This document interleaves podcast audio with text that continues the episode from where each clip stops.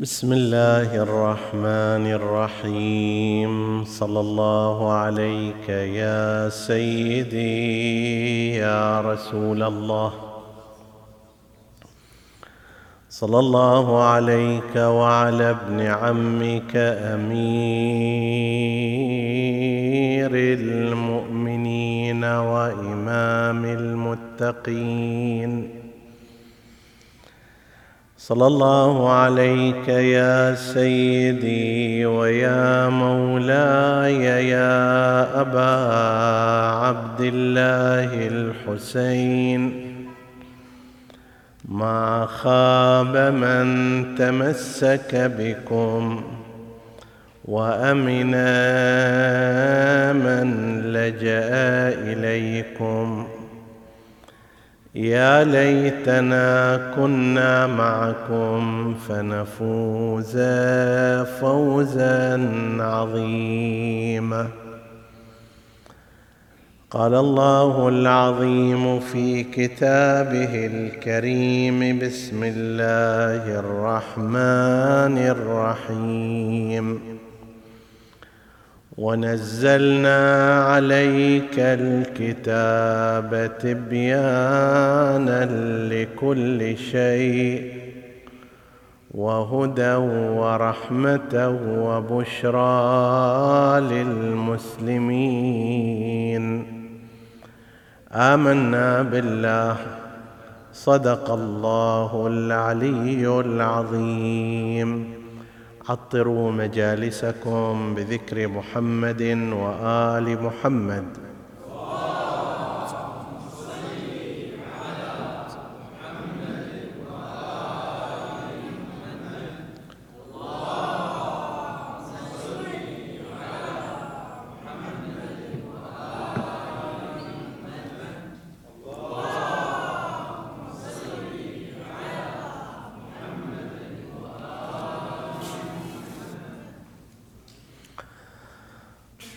حديثنا في ظلال هذه الآية المباركة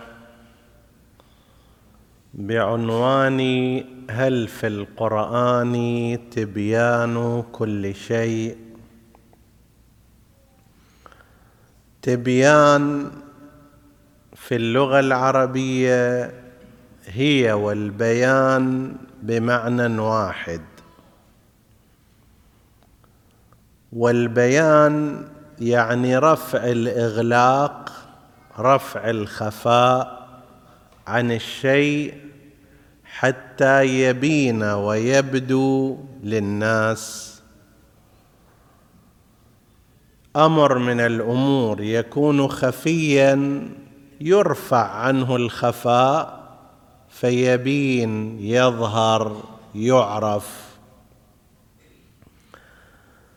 فالقرآن الكريم بحسب هذه الآية المباركة نزله الله عز وجل تبيانا ما به يتبين الشيء يظهر الشيء يتضح.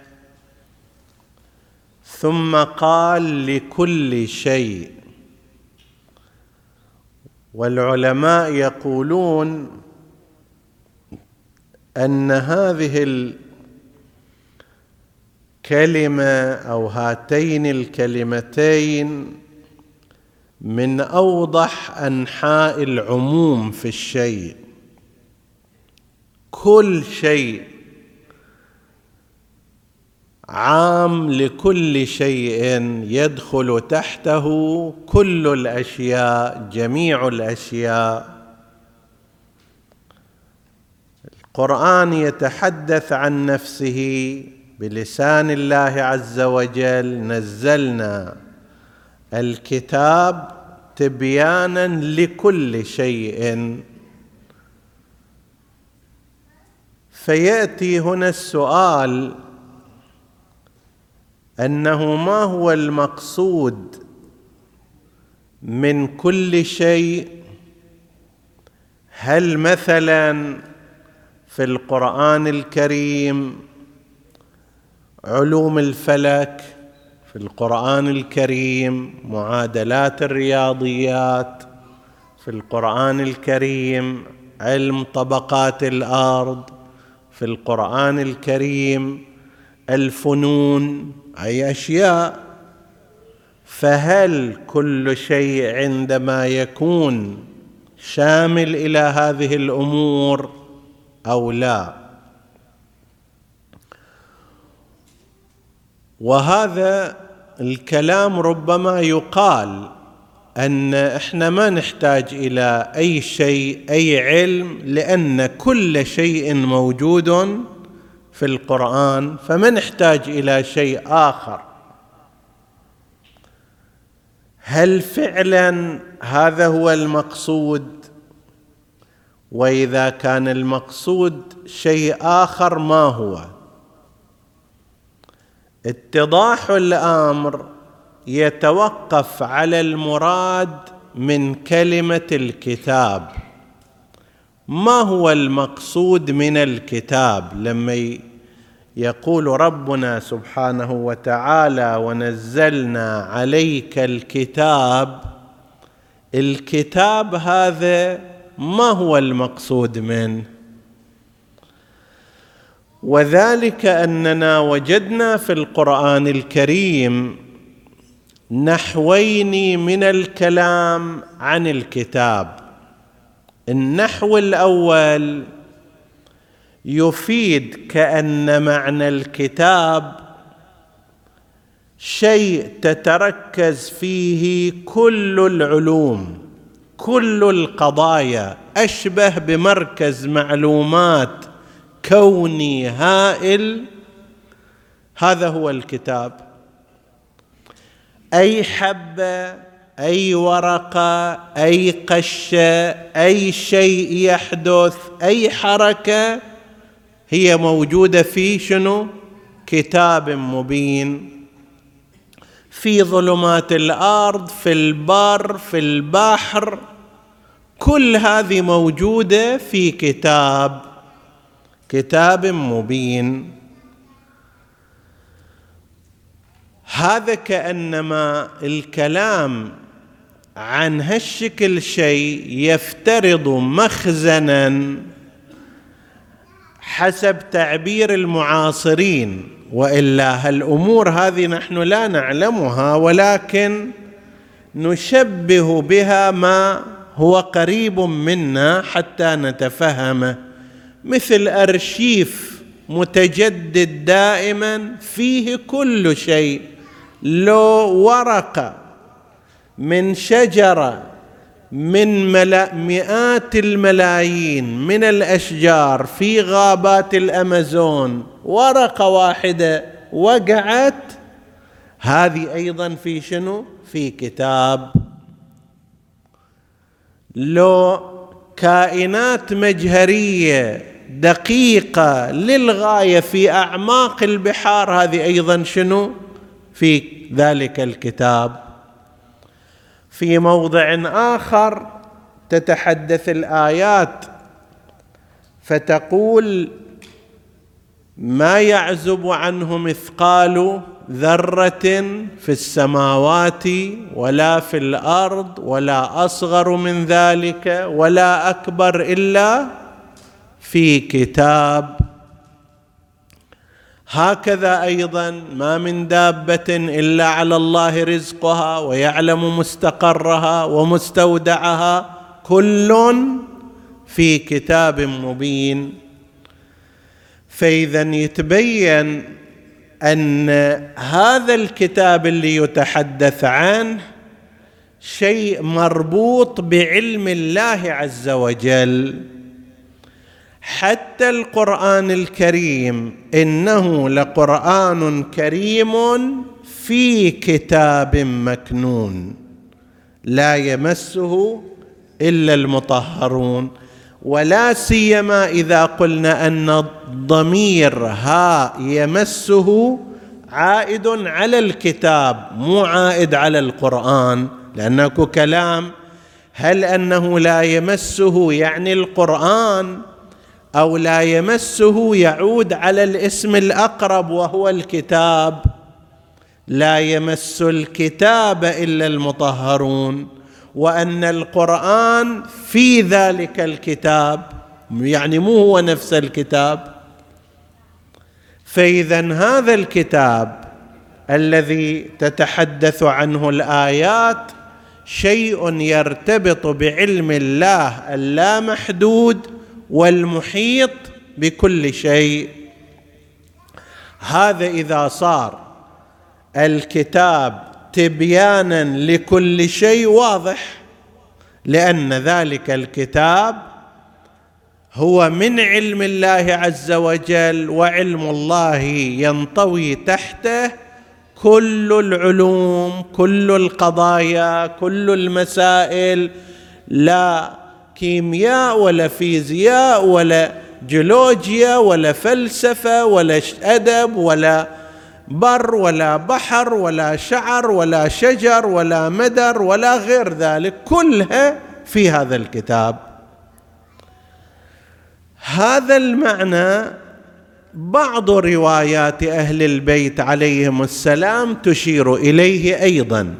فقد روي عن الإمام الصادق عليه السلام قوله إني أعلم ما في السماوات والأرض والجنة والنار.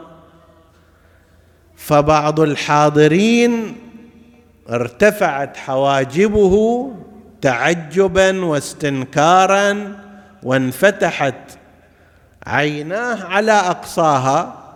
فرأى الإمام عليه السلام أن هذا لا يحتمل هذا المعنى. فقال وذلك من قول الله عز وجل ونزلنا عليك الكتاب تبيانا لكل شيء وإحنا عندنا علم القرآن عندنا علم الكتاب. ما فرطنا في الكتاب من شيء عندنا علم الكتاب وهالأمور هذه موجودة فيه. فهذا الاتجاه الأول أن الكتاب الذي فيه كل شيء وما فرط الله فيه في شيء ابدا واحتوى على كل شيء. هذا انما يكون في الكتاب التكويني في مخزن علم الله ان صح التعبير. في الارشيف الالهي هاي كلها تعابير تقريبية ليست حقيقية. طيب هذا المعنى الأول. المعنى الثاني أنه لا المقصود هو القرآن الكريم كتاب. طبعا الرأي الأول هناك قائلون به حتى من مصادر مدرسة الخلفاء. القرطبي ينقل عن ابن مسعود في تفسير عبد الله بن مسعود في تفسير الآية هذه أنه لا فيه كل العلوم. طيب الاتجاه الآخر يقول لا المقصود بالكتاب هنا هو القرآن الكريم لأن القرآن الكريم تم الحديث عنه بعنوان الكتاب في القرآن كثيرا. فقال ألف لام ميم ذلك الكتاب لا ريب فيه. حاميم تنزيل الكتاب. وهذا كتاب أنزلناه مبارك. نفس الآية التي افتتحنا بها. ونزلنا عليك الكتاب. تبيانا لكل شيء اللي تنزل من السماء. هو هذا القرآن مو غيره. فيقول لك اذا المقصود هذا الرأي الثاني المقصود بالكتاب. هنا في هذه الآية المباركة هو نفس القرآن الكريم مو ذاك الكتاب الآخر اللي يعبر عن علم الله عز وجل. وإنما الكتاب يعني القرآن الكريم الذي مثلا آياته ستة آلاف ومائتين وستة وثلاثين آية هو هذا المقصود. وهذا ما فرطنا فيه من شيء هذا تبيانا لكل شيء. هنا بعد صار هناك اتجاهان فيه. فده اتجاه يقول هذه كل شيء وما فرطنا في الكتاب من شيء يعني في القرآن. كل شيء موجود في القرآن. كل العلوم موجودة في القرآن الكريم. وش ما تبغى موجود. غاية الأمر مو كل واحد يفهم الطريق إلى. مثل خزنة فيها صناديق متعددة. أول صندوق مفتاحة عند عامة الناس الصندوق الثاني لا عند مجموعة الصندوق الثالث كذا آخر صندوق مفتاحة بيد مدير البنك مثلا. طيب القرآن يقول لك هم هالشكل. عامة الناس لهم قضية التدبر والمعاني الظاهرية وأمور الأخلاقيات والأحكام الشرعية في ظاهرها وأمثال ذلك. وأما ما بعده هذه العلوم الهائلة لا لها أناس ولها أهل يعرفون. وقلت قبل قليل أن هذا الاتجاه فيه حتى من بعض مدرسة الخلفاء كما ذكر عن القرطبي. قرطبي يقول عن ابن مسعود أن في القرآن الكريم كل العلوم مو بس العلوم الشرعية والأمور الدينية. كل ما يحتاج إليه الناس من علم موجود في القرآن. الاتجاه الآخر هنا في هذه في هذه المسألة أنه المقصود بالكتاب هو القرآن الكريم يقول لا ليس المقصود كل العلوم كل شيء وإنما كل شيء يتناسب مع غرض القرآن. وهدف القرآن وهذا موجود في المحاورات العرفية. شلون؟ يقول لك مثلا تروح إلى مستشفى إن شاء الله لزيارة مريض وليس للعلاج فتقول ما شاء الله هذا المستشفى كل شيء موجود فيه كل شيء موجود فيه. كل شيء تقول له زين الآن في مثلا إطارات سيارات أنا أريد أبدل إطار سيارتي. يقول لك لا. طيب تقول له مثلا في هذا طيارة أنا أريد أشتري لي طيارة هناك. يقول لك لا ليس فيه هذه الأمور. سيارة أريد أشتريها جديدة. يقول لك لا ليس المقصود في كل شيء هالأمور وإنما المقصود في كل العيادات كل الأطباء اللي يقومون بالعلاج. كل شيء فيه مما يتناسب مع شنو؟ مع المستشفى. أما مثلا طيارة وإطار سيارات ومثلا كرتونات اسمنت وغير ذلك لا هذه الأشياء غير موجودة في هذا المستشفى. وهكذا تروح إلى سوبر ماركت فتقول ما شاء الله هذا السوبر ماركت ما خلى شيء إلا جابه. كل شيء موجود فيه. كل شيء موجود فيه. تقول له مثلا جامعة هم موجود فيه واحد يروح يدرس فيها. يقول لك لا ليس المقصود من وجود جامعة فيه. طيب وإنما المقصود ما يرتبط بأمور المحلات والسوبر ماركتات وغير ذلك هذا موجود في كل الأدوات الأشياء اللي تباع في هالأماكن موجودة فيه. هنا هم يقول لك نفس الكلام. تبيانا لكل شيء مو المقصود. يجي القرآن مثلا ويتحدث لك عن كيفية استخراج البترول ولا عن كيفية تصليح مثلا الكهرباء.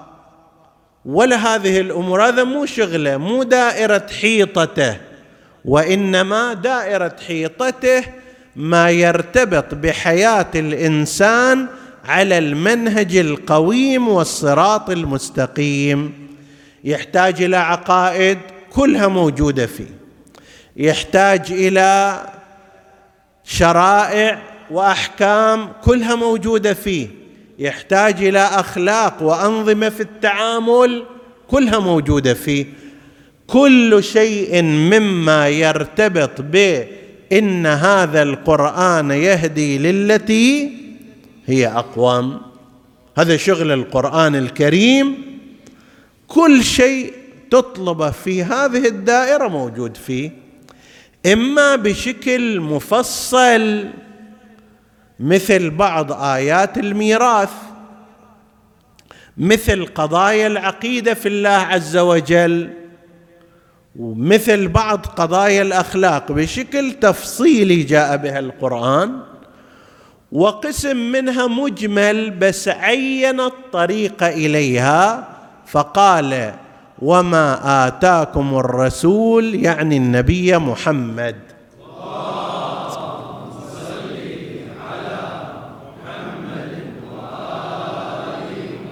فخذوه وما نهاكم عنه فانتهوا. فالأماكن اللي فيها إجمال فيها اختصار فيها عدم تفصيل ما تركها هكذا وإنما أعطاك الطريق إليها. الآن ما شاء الله الناس كلها متعودة على هالاجهزه الحديثة والإنترنت وكذا تروح تفتح مقالة في الإنترنت فيمر عليك مثلا كلمة الإرث. أنت تريد تتعرف على الإرث فالصفحة هذه ما موجودة. بس مخلي لك إذا تدق على نفس هذه الكلمة تفتح لك شنو؟ صفحات جديدة فيها قضية الميراث. يجيك اسم من الأسماء ما موضح حياته. بس إذا تدق على ذلك الاسم يفتح لك صفحات اللي توضح سيرة ذلك الاسم وشخصيته. طيب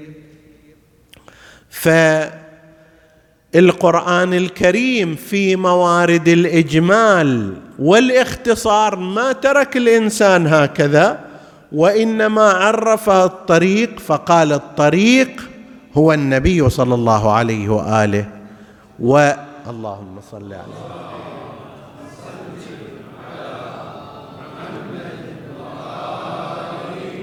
وقال النبي صلى الله عليه وآله أيضا الطريق فيما أنا اللي وضحته بشكل كامل اتضح. الشيء اللي ما صار لي فرصة أن أوضحه فالطريق هو وعترتي أهل بيتي. طيب فإذا صار في القرآن الكريم كل شيء يريده الإنسان فيما يرتبط بقضية الحياة القويمة بعلاقته بالله بعلاقته بالناس بكيفية العيش عيشة راضية طيبة في هذه الدنيا. هذا موجود في القرآن الكريم. ونزلنا عليك الكتاب تبيانا لكل شيء في هذه الدائرة. بعد مو مطلوب من القرآن مثلا أن يجيب صفة البناء كيف لازم يكون؟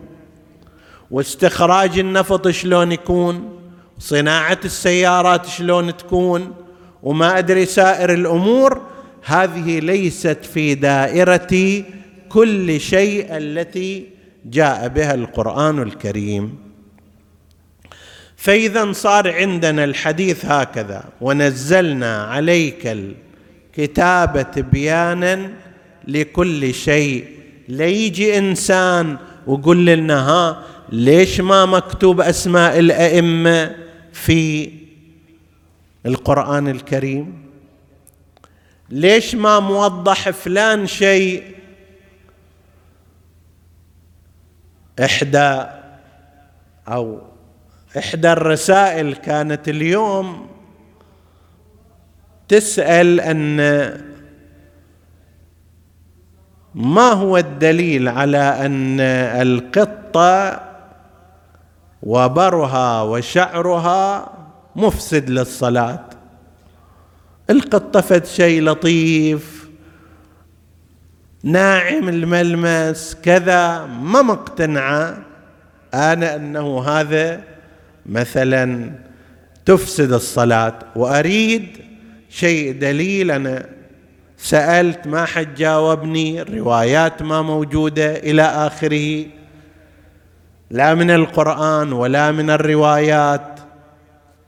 فقلت في القرآن صحيح ما في هذا ولكن في الروايات شيء كثير. فأخذت رواية هي الرواية المعروفة زرارة عن الإمام الصادق عليه السلام إذا كان شيء لا يؤكل لحمه فالصلاة في شعره ووبره وروثه. فاسدة وفيها تتم الرواية أما إذا كان يؤكل فلا بأس وأرسلتها. قالت لا ما جاب. عنوان القط والقطة نفسها. فقلت بعد كان لازم يجيب أيضا نوعها هل قطة مثلا أمريكية ولا فارسية لونها أصفر لونها أسود؟ طيب هذا العنوان ما لا يؤكل لحم سواء كانت قطة أو كان نمر أو كان ما أدري أسد أو كان غير ذلك مما لا يؤكل لا ينبغي أن يتعلق وبره وشعره في ثوبك أو بدنك أثناء الصلاة. على خلاف بين العلماء في مثل الشعره والشعرتين. البعض رأى أن مثل الشعره والشعرتين لا تضر لأن الرواية تقول فالصلاة في شعره ووبره وهذا يقتضي أن يكون فد شيء معتد به مو مجرد شعرة واحدة وصغيرة. بعض العلماء قالوا لا يصدق على الواحدة شعر ووبر ويصدق على العشر ويصدق على الخمسين وينبغي أن ينظر الإنسان إلى فتوى مرجع تقليدي. هذا حديثنا الآن حديث عام. فالشاهد أن في القرآن الكريم إذا صار إجمال في شيء ما نسد الطريق عندنا وإنما عين الطريق بأن نرجع إلى النبي وإلى عترته وهم الذين يفصلون لنا من القرآن الكريم أيضا مو من تلقاء أنفسهم. الإمام الصادق عليه السلام سأله واحد فقال له أرأيت إن كان الأمر كذا فنقول فيه كذا؟ يعني خلينا نجيب رأي من عندنا أنا أفكر أن الحكم هو هكذا. قال له دعنا من أرأيت لسنا من أرأيت في شيء إنه علم هي أصول علم نتوارثها. عن رسول عن جدنا رسول الله صلى الله عليه وآله. هذا مو كأي كلام إحنا نجيبه ومن تلقاء أنفسنا. بل أكثر من هذا ما يقوله الإمام الباقر عليه السلام إذا حدثتكم بشيء فسلوني أين هذا من كتاب الله؟ ينقل الرواية الشيخ الكليني في الكافي. إذا أنا قلت لكم حديث قولوا لي هذا من وين؟ من القرآن الكريم.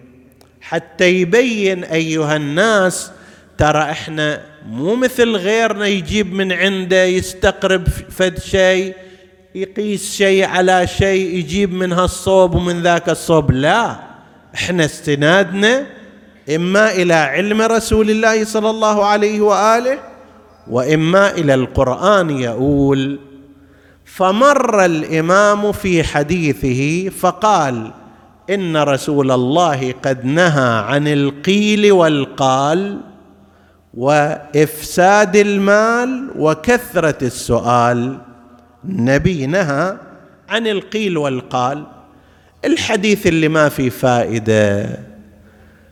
اللت والعجن فلان راح وفلان إجا فلانه سوت وفلانه ما سوت. هذا هالشكل لبس وذاك هالشكل صنع. وهذا بنى له فلان مكان وذاك ما بنى. وكلام حاصله آخر شيء شنو؟ إذا ما سلم من الغيبة وقليلا ما يسلم فهذا ما في فائدة. حتى لو سلم من الغيبة لا يفيدك علما. فقال له للامام هذه الخصال الثلاث اللي قلتها نهى رسول الله عنها وين من القرآن؟ فقال نهى عن القيل والقال في قوله تعالى في قول الله تعالى في نهيه عن النجوى لا خير في كثير من نجواهم إلا من أمر بصدقة أو معروف. النجوى هي الحديث بين اثنين السر بين اثنين الكلام المتبادل. يقول هذا كثير منه لا خير فيه إلا إذا كان في أمور نافعة. مثل الأمر بالصدقة مثل الأمر بأمور بأمر المعروف. وأما في إفساد المال فقول الله عز وجل لا تؤتوا السفهاء أموالكم التي جعل الله لكم قياما. هذا إفساد للأموال. إذا تعطي مالك أنت أو مال اليتيم إذا تعطيه إلى ذلك الشخص السفيه غير المدبر إفساد المال ممنوع. طيب. إفساد المال والقيل والقال وكثرة السؤال. أسئلة ما لها فائدة كثيرة. أحيانا قسم من الناس يتصل مثلا ويقول شيخنا إحنا الآن قاعدين نتعاية في فلان موضوع. هذا يقول هالشكل وأنا أبغى أقول هالشكل. طبعا هو يبغى جوابك بشكل اللي هو يطلع المنتصر. شفتوا؟ قلت لكم من أول. ما صدقتوني إلا لما قال العالم مثلا أو الشيخ. إذا سؤال في فائدة علمية أهلا وسهلا. في فائدة عملية أهلا وسهلا. مسألة ابتلائية أهلا وسهلا. أما مسائل لا نفع فيها لا فائدة منها. موسى شنو كان اسم أمه؟ شنو تريد تخطبها إلى ولدك مثلا؟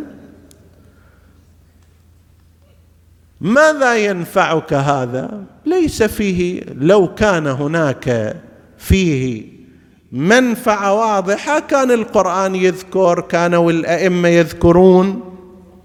أنا ما أقول هذا ما مفيد أقول أمثال هذا من الأسئلة. لا تسألوا عن أشياء يقول الله لا تسألوا وهذا ما ذكره الإمام الباقر. لا تسألوا عن أشياء إن تبد لكم تسؤكم. فاذا صار عندنا أن القرآن الكريم فيه تفصيل كل شيء تبيان كل شيء ما فرط فيه من شيء فيما يرتبط بدائرته وبمحيط اهتمامه. وهذا موجود عند الأئمة عليهم السلام وقبلهم عند رسول الله صلى الله عليه وآله. نورد بعض الأمثلة على ذلك.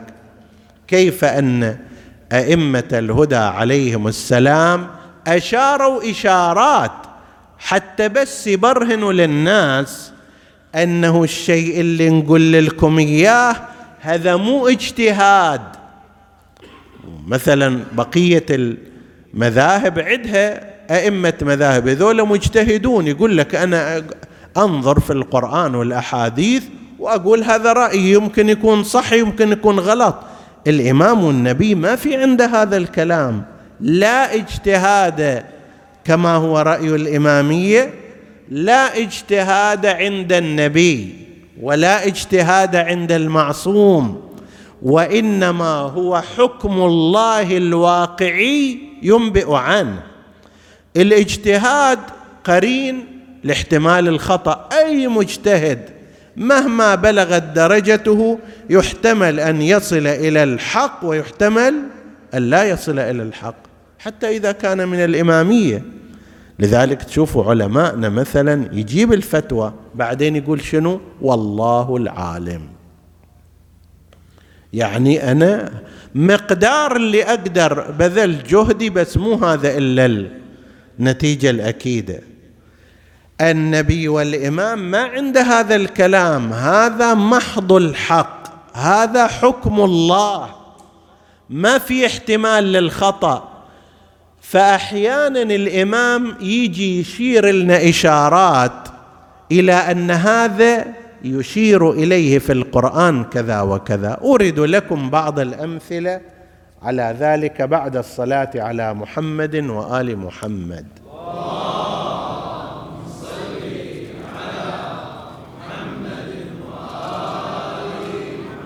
عندنا في القرآن الكريم إن الصفا والمروة من شعائر الله فمن حج البيت أو اعتمر فلا جناح عليه أن يطوف بهما.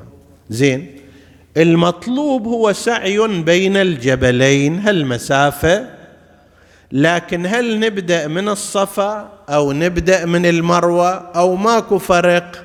المهم مسافة معينة أنت تقطعها. الإمام يصر لا لا بد من الصفا ولو بدأت من المروة لا يعتد بذلك. لازم تبدأ من الصفا إلى المروة هذا شوط. ترجع من المروة إلى الصفا هذا شوط آخر وهكذا. زين هذا من وين؟ قال ابدأوا بما بدأ الله به. الله قال إن الصفا هذا يرتبط بالترتيب. تتذكرون قلنا إن ترتيب كلمات الآيات ترتيب توقيفي. وترتيب الآيات فيما بينها أيضا ترتيب توقيفي قام به رسول الله صلى الله عليه وآله. وقال ضعوا هذه الآية هنا وتلك الآية هناك. فهناك إذا عناية خاصة في كل كلمة ليش تقدمت وتلك تأخرت.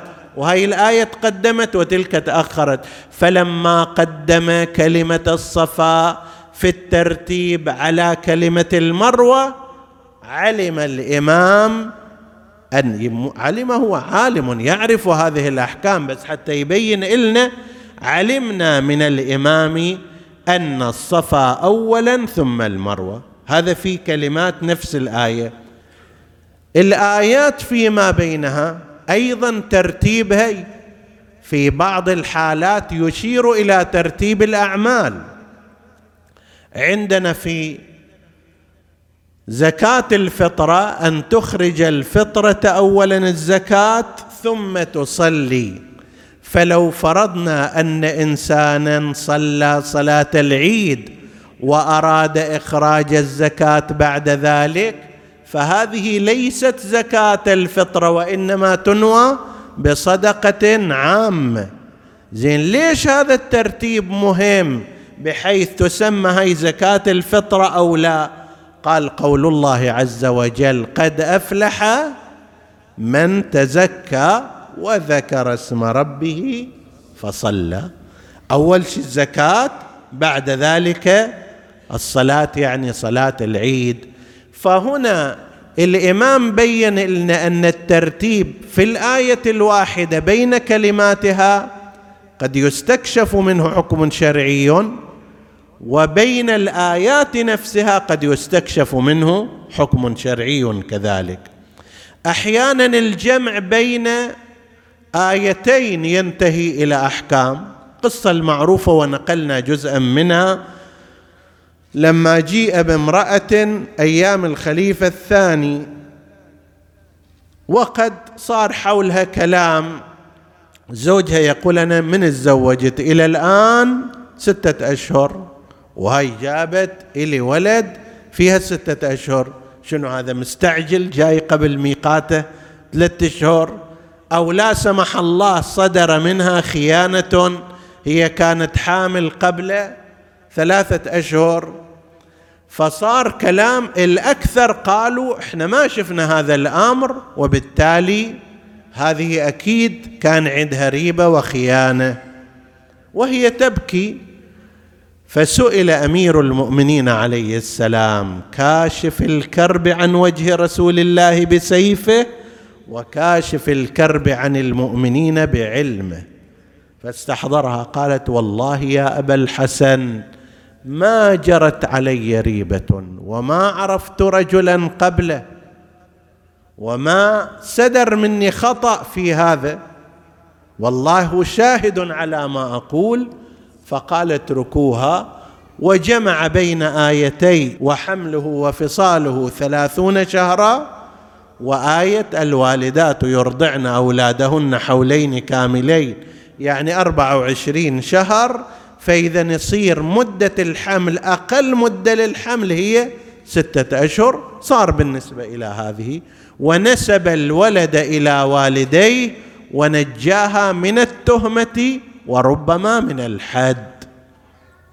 طيب هذا جمع بين آيتين. في قضية القصر وهل أنه عزيمة؟ يعني لا بد منه في السفر. لا يجوز لك إلا أن تقصر في الحالة العادية. ما نريد نتحدث عن من عمله السفر وكثير السفر وكذا. لا إنسان مسافر عادي. هل يجب عليه أن يقصر أو لا؟ هي رخصة. يريد يقصر أو يريد أن يتم. الأول نسميه عزيمة يعني لا بد منها لا بد من التقصير ولو أتم كانت صلاته باطلة. الثاني نسميه رخصة يعني هو بالخيار. إن أحب تسهيل صلى قصرا أو أحب التمام صلى تماما. كثير من رأي مدرسة الخلفاء يقول هو رخصة يقدر يتم ويقدر يقصر. الإمامية عندهم ليس إلا العزيمة. من وين هذا؟ قال من القرآن الكريم. طيب القرآن الكريم يقول فليس عليكم جناح أن تقصروا من الصلاة. يعني ما عليكم مشكلة ما عليكم عقوبة إذا قصرت وهذا يتناسب بظاهره مع ما يذهب إليه مدرسة الخلفاء من الرخصة.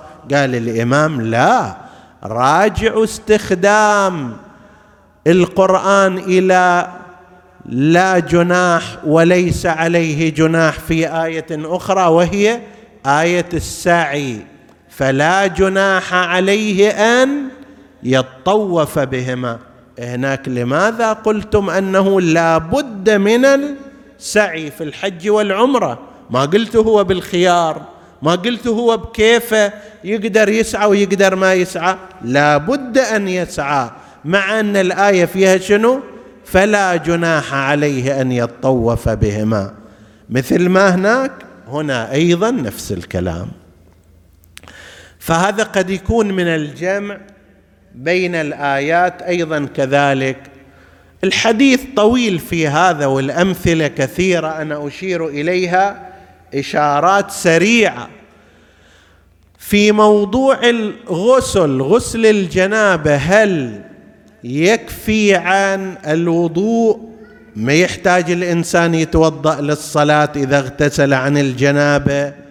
لا وضوء قبل الغسل ولا وضوء بعد الغسل. بل هو عندنا منهي عنه خلافا لما هو عند مدرسة الخلفاء. في قسم منهم يقول لا غسل الجنابة إما تتوضأ قبله أو تتوضأ بعده جاء رجل إلى الإمام الصادق عليه السلام ونقل له هذا الأمر أنهم يقولون لا بد من الوضوء مع غسل الجنابة. فتبسم الإمام وقال وأي وضوء؟ أنقى من الغسل وأطهر. هذا الآن تطهر طهارة كاملة من رأسه إلى أخمص قدميه. طيب هذا مثلا واحد يقول لك أنا إيدي متسخة مثلا. طيب ورحت أغسلها. أغسلها لكن سبحت بالكامل. تقول له لا ما يكفي هذه السباحة الكاملة ما تكفي عن غسل يدك. لابد أن تغسله. أي وضوء أنقى من الغسل وأطهر. زين هذا فقط مخاطبة للارتكاز سمونه. وين هذا من القرآن؟ قال في القرآن يقول وإن كنتم جنبا فطهروا يعني فاغتسلوا. لا قال والمفروض أنه دا يبين له الوظيفة ما قال لا اغتسلوا وتوضأوا قبل ذلك أو توضأوا بعد ذلك وإنما قال إن كنتم جنبا وهو يتحدث عن إذا قمتم إلى الصلاة إلى أن يصل وإن كنتم جنبا فطهروا يعني أن غسل الجنابة ليس معه شيء آخر. طيب فقال له زرارة زين كيف عرفنا أن المسح قسم من الرأس مو كل الرأس.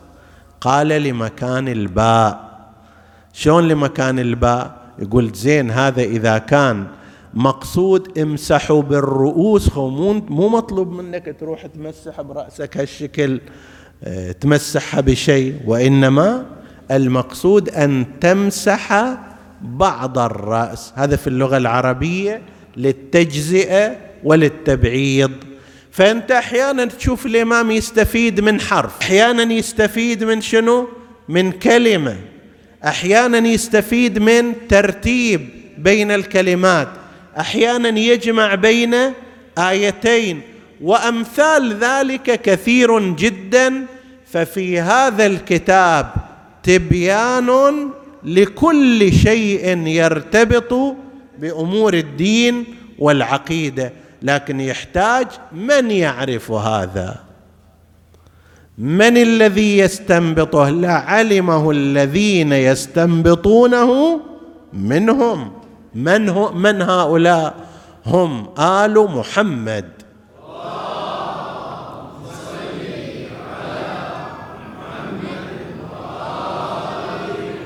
نسأل الله أن يوفقنا وإياكم للاقتداء بهم والسير على منهاجهم وأن يرزقنا شفاعتهم ويكرمنا بمرافقتهم في الجنان إنه على كل شيء قدير. هذه الليلة هي أول ليلة تمر على بيت أمير المؤمنين وها البيت خال من نور الإمام عليه السلام. أول ليلة تمر والأبناء والبنات والزوجات لا يجدون وصي النبي المتعلق بربه لا يسمعون صوت دعائه في هذا البيت الشريف فما أعظمها من وحشه وما أعظمها من كربه مرت عليهم. لأنكم تعلمون أن الإمام في مثل ليلة غد قد دفن خارج الكوفة. بين الكوفة وبين مدفنه الآن عدة كيلومترات. ذكوات البيض كانت تعرف. ظهر الغري ظهر الكوفة الغري وأيضا دفن بشكل سري دفن بشكل سري.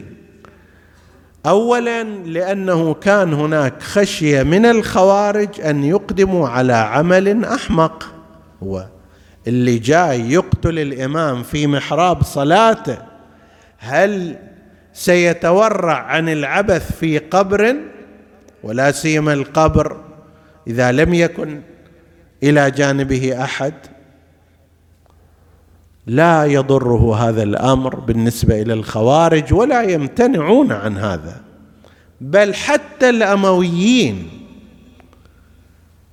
الأمويون أنصارهم كان من الممكن أن يقدموا على عمل من الأعمال السيئة فيما يرتبط بقبر الإمام أمير المؤمنين وقد فعلوها مع قبر زيد بن علي الشهيد ابن حفيد الإمام أمير المؤمنين عليه السلام زيد بن السجاد دفن في الكوفة بشكل سري وتحت نهر أيضا يعني قطعوا الساقية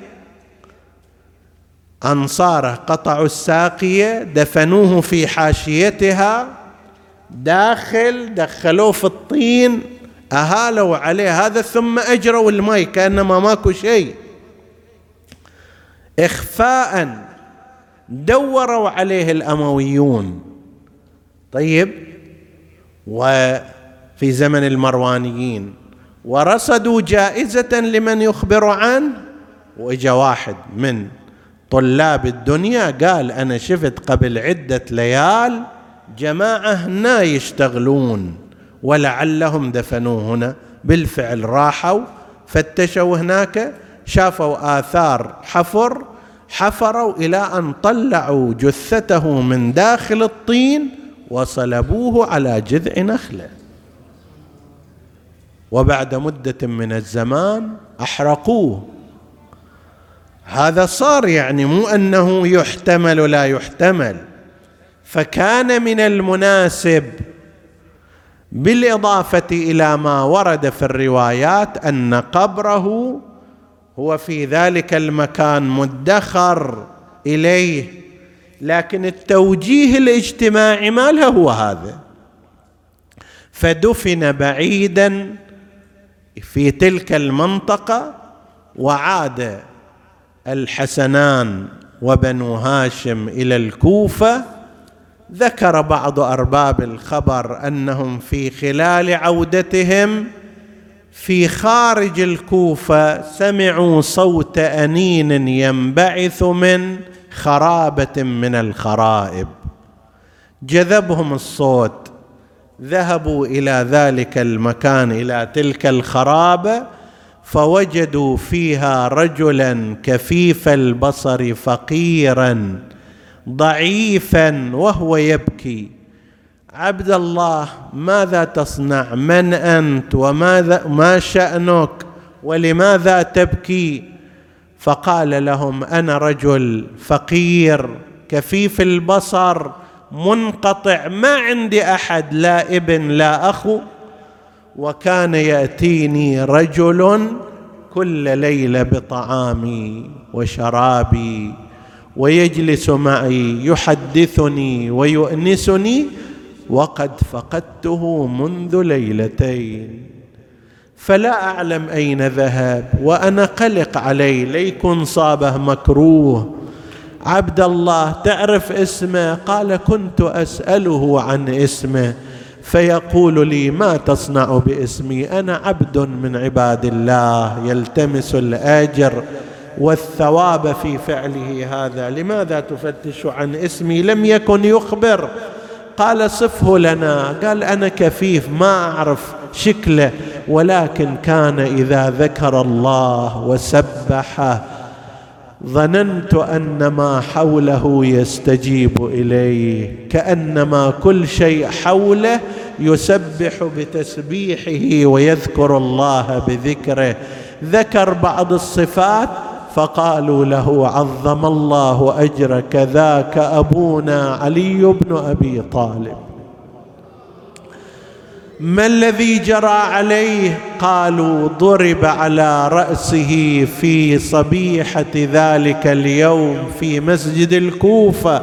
والآن رجعنا من دفنه بعد تشييعه. قصة السبطين من بعد الدفن. بالخرابة من لقوا شايب يون. هكذا قالوا له.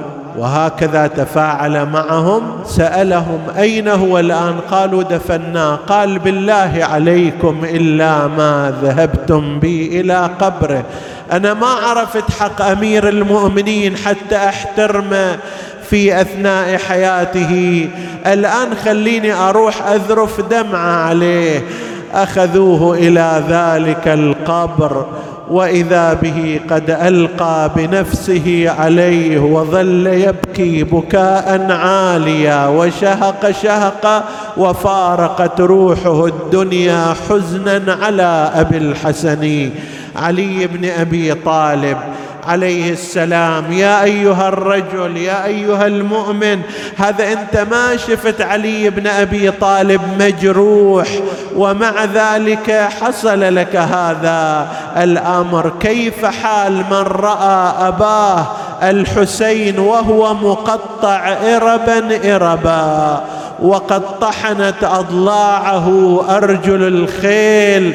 من قبل بني أمية وكل ما رفع جانب تضعضع جانب وطاح.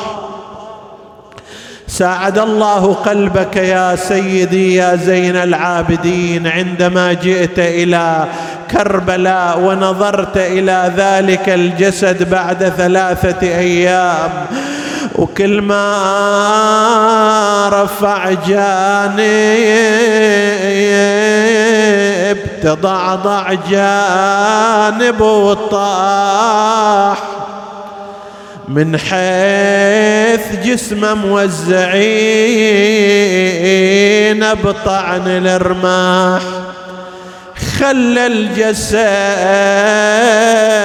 وانهل دمعه وبالوجد صاح يا أبوي كيف نشيل جسمك يا ابن الأطهار؟ حيرتني بيش اجمعه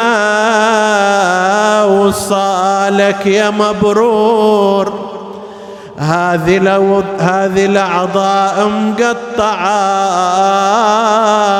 والصدر مكسور وبين الجسد والراياس يا ابن المصطفى برور. هذا الجسد والراس يتشهر بالأمصار. أنا لقضي بالحزين ليلي ونهاري غيرك ما شفنا مكفنين في بواري. من بعد ما تبقى ثلاثة أيام عاري ما إن بقيت من الهوان على الثرى. ملقا ثلاثا في ربا ووهادي إلا لكي تقضي عليك صلاتها. نسألك اللهم وندعوك باسمك العظيم الأعظم الأعز الأجل الأكرم. يا الله.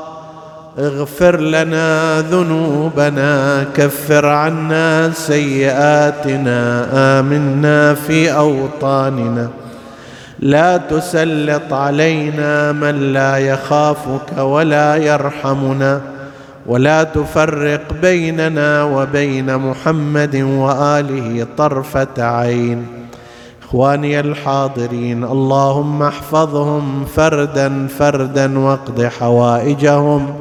اشف اللهم مرضاهم. اللهم اكشف السوء عنا والبلاء وادفع الضر عنا والضراء وتقبل اللهم عمل المؤسسين بأحسن القبول. إلى أرواح موتاهم وموتى السامعين. نهدي ثواب الفاتحة تسبقها الصلوات.